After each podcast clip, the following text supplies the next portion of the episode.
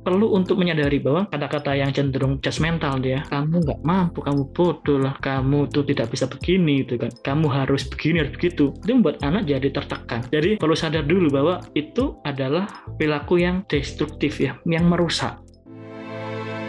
Ngobrol dan cerita di anyaman jiwa yuk. Tenang, kamu nggak sendiri kok.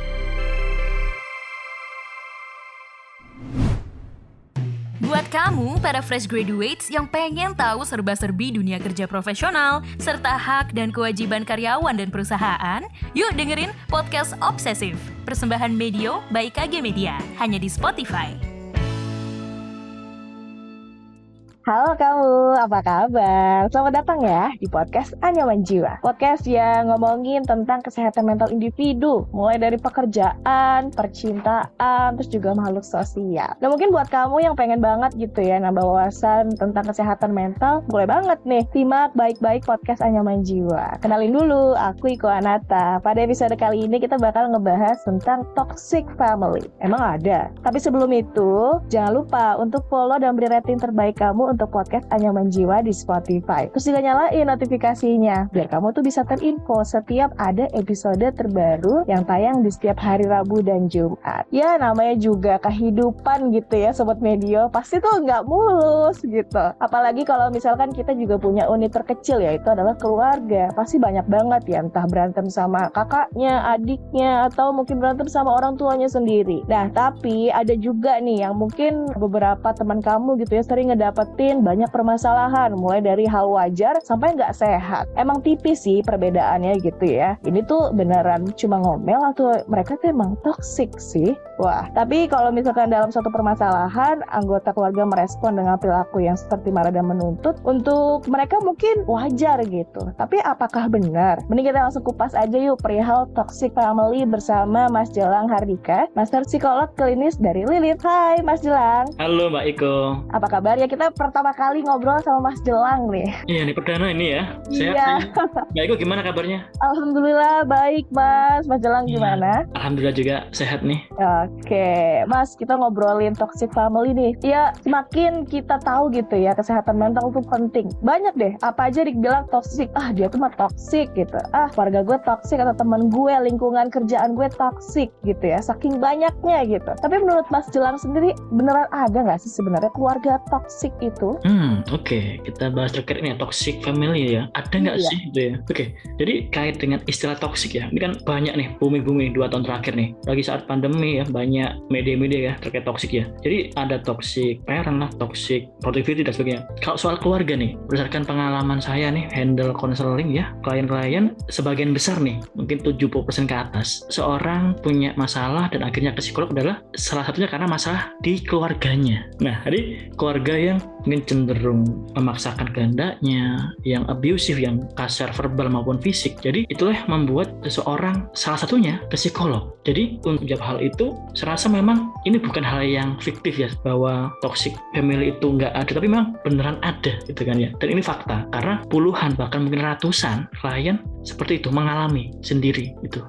Oke, sebenarnya ada nggak sih misalkan indikator yang uh, menyadari gitu bahwa tindakan toksik dalam keluarga meskipun menurut mereka yang melakukan gitu ya keluarga itu bilang enggak kok ini demi kebaikan anak saya gitu. Hmm. ini demi kebaikan untuk kamu gitu. Sebenarnya ada nggak indikator yang bisa kita sadar gitu? Ini tuh toksik sebenarnya. Oke okay, kalau kita bicara dalam apakah ada indikator tentu ada nih. Jadi uh, salah satunya adalah dengan melihat nih apakah ada keseimbangan dalam keluarga itu? Apakah dalam komunikasi keluarga itu bisa dua arah atau hanya satu arah gitu ya. Ketika cenderung bisa dua arah wah berarti kan anak diberikan kesempatan nih untuk menyampaikan pendapatnya keinginannya sehingga ada kesinambungan yang baik nih di keluarga itu. Tapi ketika di keluarga itu hanya satu arah di mana utamanya nih orang tua yang menginginkan ini A harus A nih B harus B. Berarti kan itu salah satu indikator bahwa ada toksik di situ. Karena anak tidak diberikan haknya menyampaikan pendapat keinginannya bahkan mungkin cita-citanya. Tapi ya menurut Mas hilang sendiri gitu ya. Keluarga toksik tuh gimana sih bisa terbentuk? Apakah memang mungkin oh, setiap orang tua kayak dulu orang tuanya sebelumnya gitu mengikuti perkataan orang tuanya selalu nurut gitu. Jadinya ke bawah gitu ke anaknya. Jadi kayak ngikutin dari riwayat orang tua sebelumnya gitu. Apakah karena itu atau mungkin ada faktor eksternal lainnya mungkin dari lingkungan karena kayak ngelihat dari tetangga ya anak ya aku bisa tapi anakku kok nggak bisa gitu. Jadi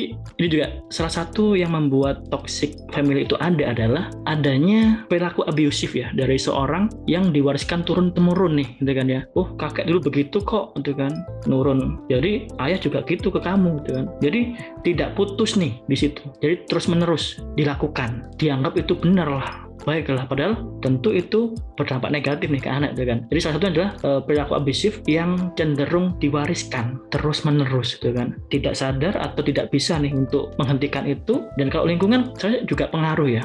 Di mana mungkin oh pengen nih anaknya sukses kayak tetangga sebelah gitu kan. Sehingga ada ekspektasi nih dari orang tua oh. yang diturunkan ke anak. Oh kamu harus gini nih kamu harus belajar terus nih. Kamu harus ranking satu harus kampus ini kampus itu. Sehingga yang ada adalah tuntutan terus menerus ke anak itu kan. Jadi ada faktor warisan ya dari orang tuanya kakeknya buyutnya yang terus menerus kayak gitu modeling mencontoh orang tuanya tidak diputus juga faktor eksternal tadi lingkungan ya. Ada ekspektasi pribadi juga itu kan seperti itu baik oke terus kalau misalkan nih buat pendengar sobat media gitu ya dia sebagai anak terus memiliki keluarga yang toksik gimana caranya untuk menghadapi mereka gitu ya? Untuk gimana cara ngobrolnya dengan aku maksudnya aku mau coba kasih saran gitu. Aku pengen ngobrol perihal ini gitu gimana cara menghadapinya. Terus kemudian gimana juga orang tua untuk bisa menjaga supaya tidak toksik. Maksudnya tidak sengaja melakukan ketoksikan itu kepada anak gitu mas. Oke okay, baik. Jadi ada dua sisi ya. Gimana yeah. anak orang tua orang tua ke anak. Oke okay. ini pertama dulu soal gimana sih kalau kita memiliki orang tua yang cenderung toksik itu ya yang pertama kita perlu sadari bahwa kita tidak bisa memilih orang tua. Gitu kan ya? Uh, yeah.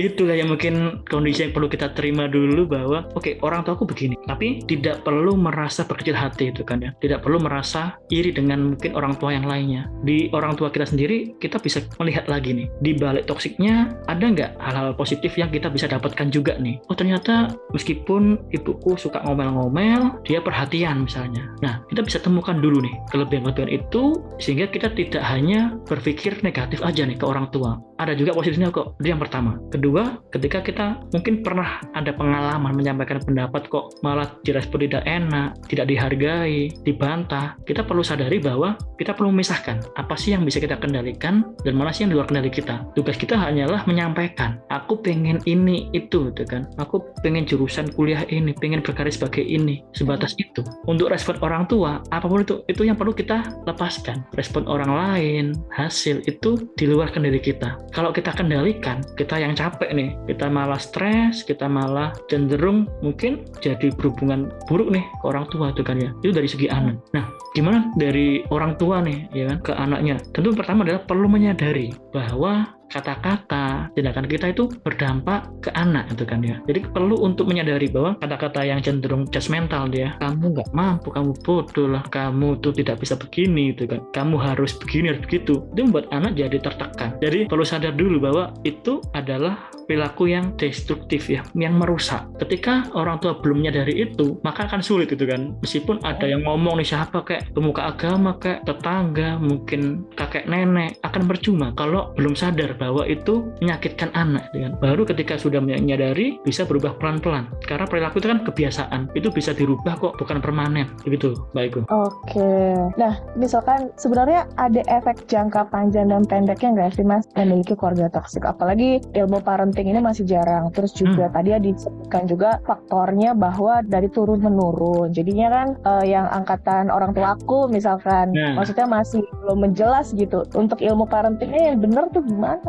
Iya iya iya betul betul. Jadi pola asuh orang tua itu kan berdampak ke diri kita ya, entah itu jangka pendek maupun jangka panjang ya. Nah anak akan cenderung tidak nyaman nih di rumah itu kan. Rumah bukanlah sesuatu yang nyaman itu kan ya. Jadinya ya udahlah mending di luar aja deh, sekolah, yaudah deh aku ngapain kayak nongkrong sampai malam. Jadi pulangnya udah malam nih tinggal tidur biar nggak lama-lama ketemu orang tua. Nah itu jangka pendeknya. Nah ketika itu terus menerus dilakukan membuat hubungan semakin renggang makin jauh nih dari kedekatan gitu kan. Mau menyampaikan sesuatu ditahan dipendem. Jadi bisa bom waktu ya. Suatu saat akan meledak. Atau jadinya karena emosinya dipendam terus nggak bisa keluar nggak disampaikan ke orang tuanya bisa menyalahkan diri. Berdampak pada self esteem nah itu kan. Jadi karena iya aku nggak bisa begini nih nggak bisa begitu tuh. Jadinya merusak diri kan. Karena emosi yang nggak dikeluarkan nggak dilepaskan dipendam terus jadi seperti itu untuk jangka panjangnya. Oke terakhir mas. Ada nggak nih pesan buat sobat video sebagai anak dan sebagai orang tua terkait tentang toxic family ini?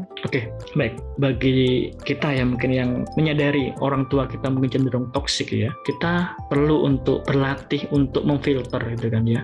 Kata-kata tindakan orang tua yang mana sih yang mungkin itu sebagai kritikan membangun yang kita bisa tampung dan mana sih yang itu hanya judge ya, yang kita nggak perlu percayai. Kadang itu sering ngomong nggak perlu didengerin, faktanya pasti kedengeran gitu kan, pasti masuk nih. Tapi kita punya filter, apakah mempercayai kata-kata itu atau mengabaikan. Hmm. Oh ini nggak benar kok, aku nggak bodoh kok, oh aku mampu kok. Jadi meskipun tadi ya, dari keluarga nih tidak ada mungkin perhatian yang lebih nggak apa-apa bisa cari di luar gitu kan dari teman-teman. Jadi tidak berpacu pada satu hal itu. Nah untuk orang tua nah ini perlu untuk bijak-bijak dalam memberikan pola asuh gitu kan. Kalau cenderung otoriter maka anak akan bisa membangkang nantinya gitu. meskipun awal-awal menurut gitu kan. Kalau yeah. orang tua cenderung memaksakan kehendaknya wah anak akan mengikuti tapi mungkin dia nggak bahagia gitu kan ya. Jadi perlu untuk bijak bahwa yang menjalani hidup adalah anak bukan kita. Jadi apa pun pilihan anak, kita perlu support, kita perlu hargai, dan yang dilakukan selama itu baik, positif, tentu akan membuat dia jadi sukses dan buat kita juga bahagia seperti itu.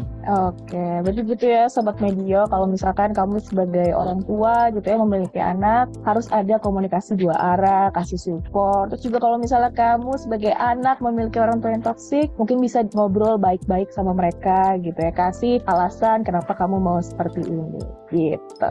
Oke, kalau gitu Mas Jelang terima kasih banyak informasinya tentang toxic family hari ini. Ya, terima kasih juga Mbak Eko atas waktunya. Oke, terima kasih juga. Demikian ya Sobat Media Podcast Nyaman Jiwa bersama Mas Jelang Hardika, Master Psikolog. Dan buat kamu mungkin mau cerita gitu ya kesehatan tentang kesehatan mental kamu. Boleh banget kirim ke email podcast at kgmedia.id atau bisa DM juga di at relief. Nah ini tempat yang pas untuk meditasi dan konseling online siap bantu kamu biar sehat mental. Bisa juga kamu cek di websitenya di relief.co. Selain itu juga bisa follow di @media by KG Media. Dengarkan podcast menarik lainnya dari Anyaman Jiwa di Spotify. Iklan Nata pamit, bye-bye. Ya, udah selesai episode kali ini. Tungguin episode Anyaman Jiwa selanjutnya ya.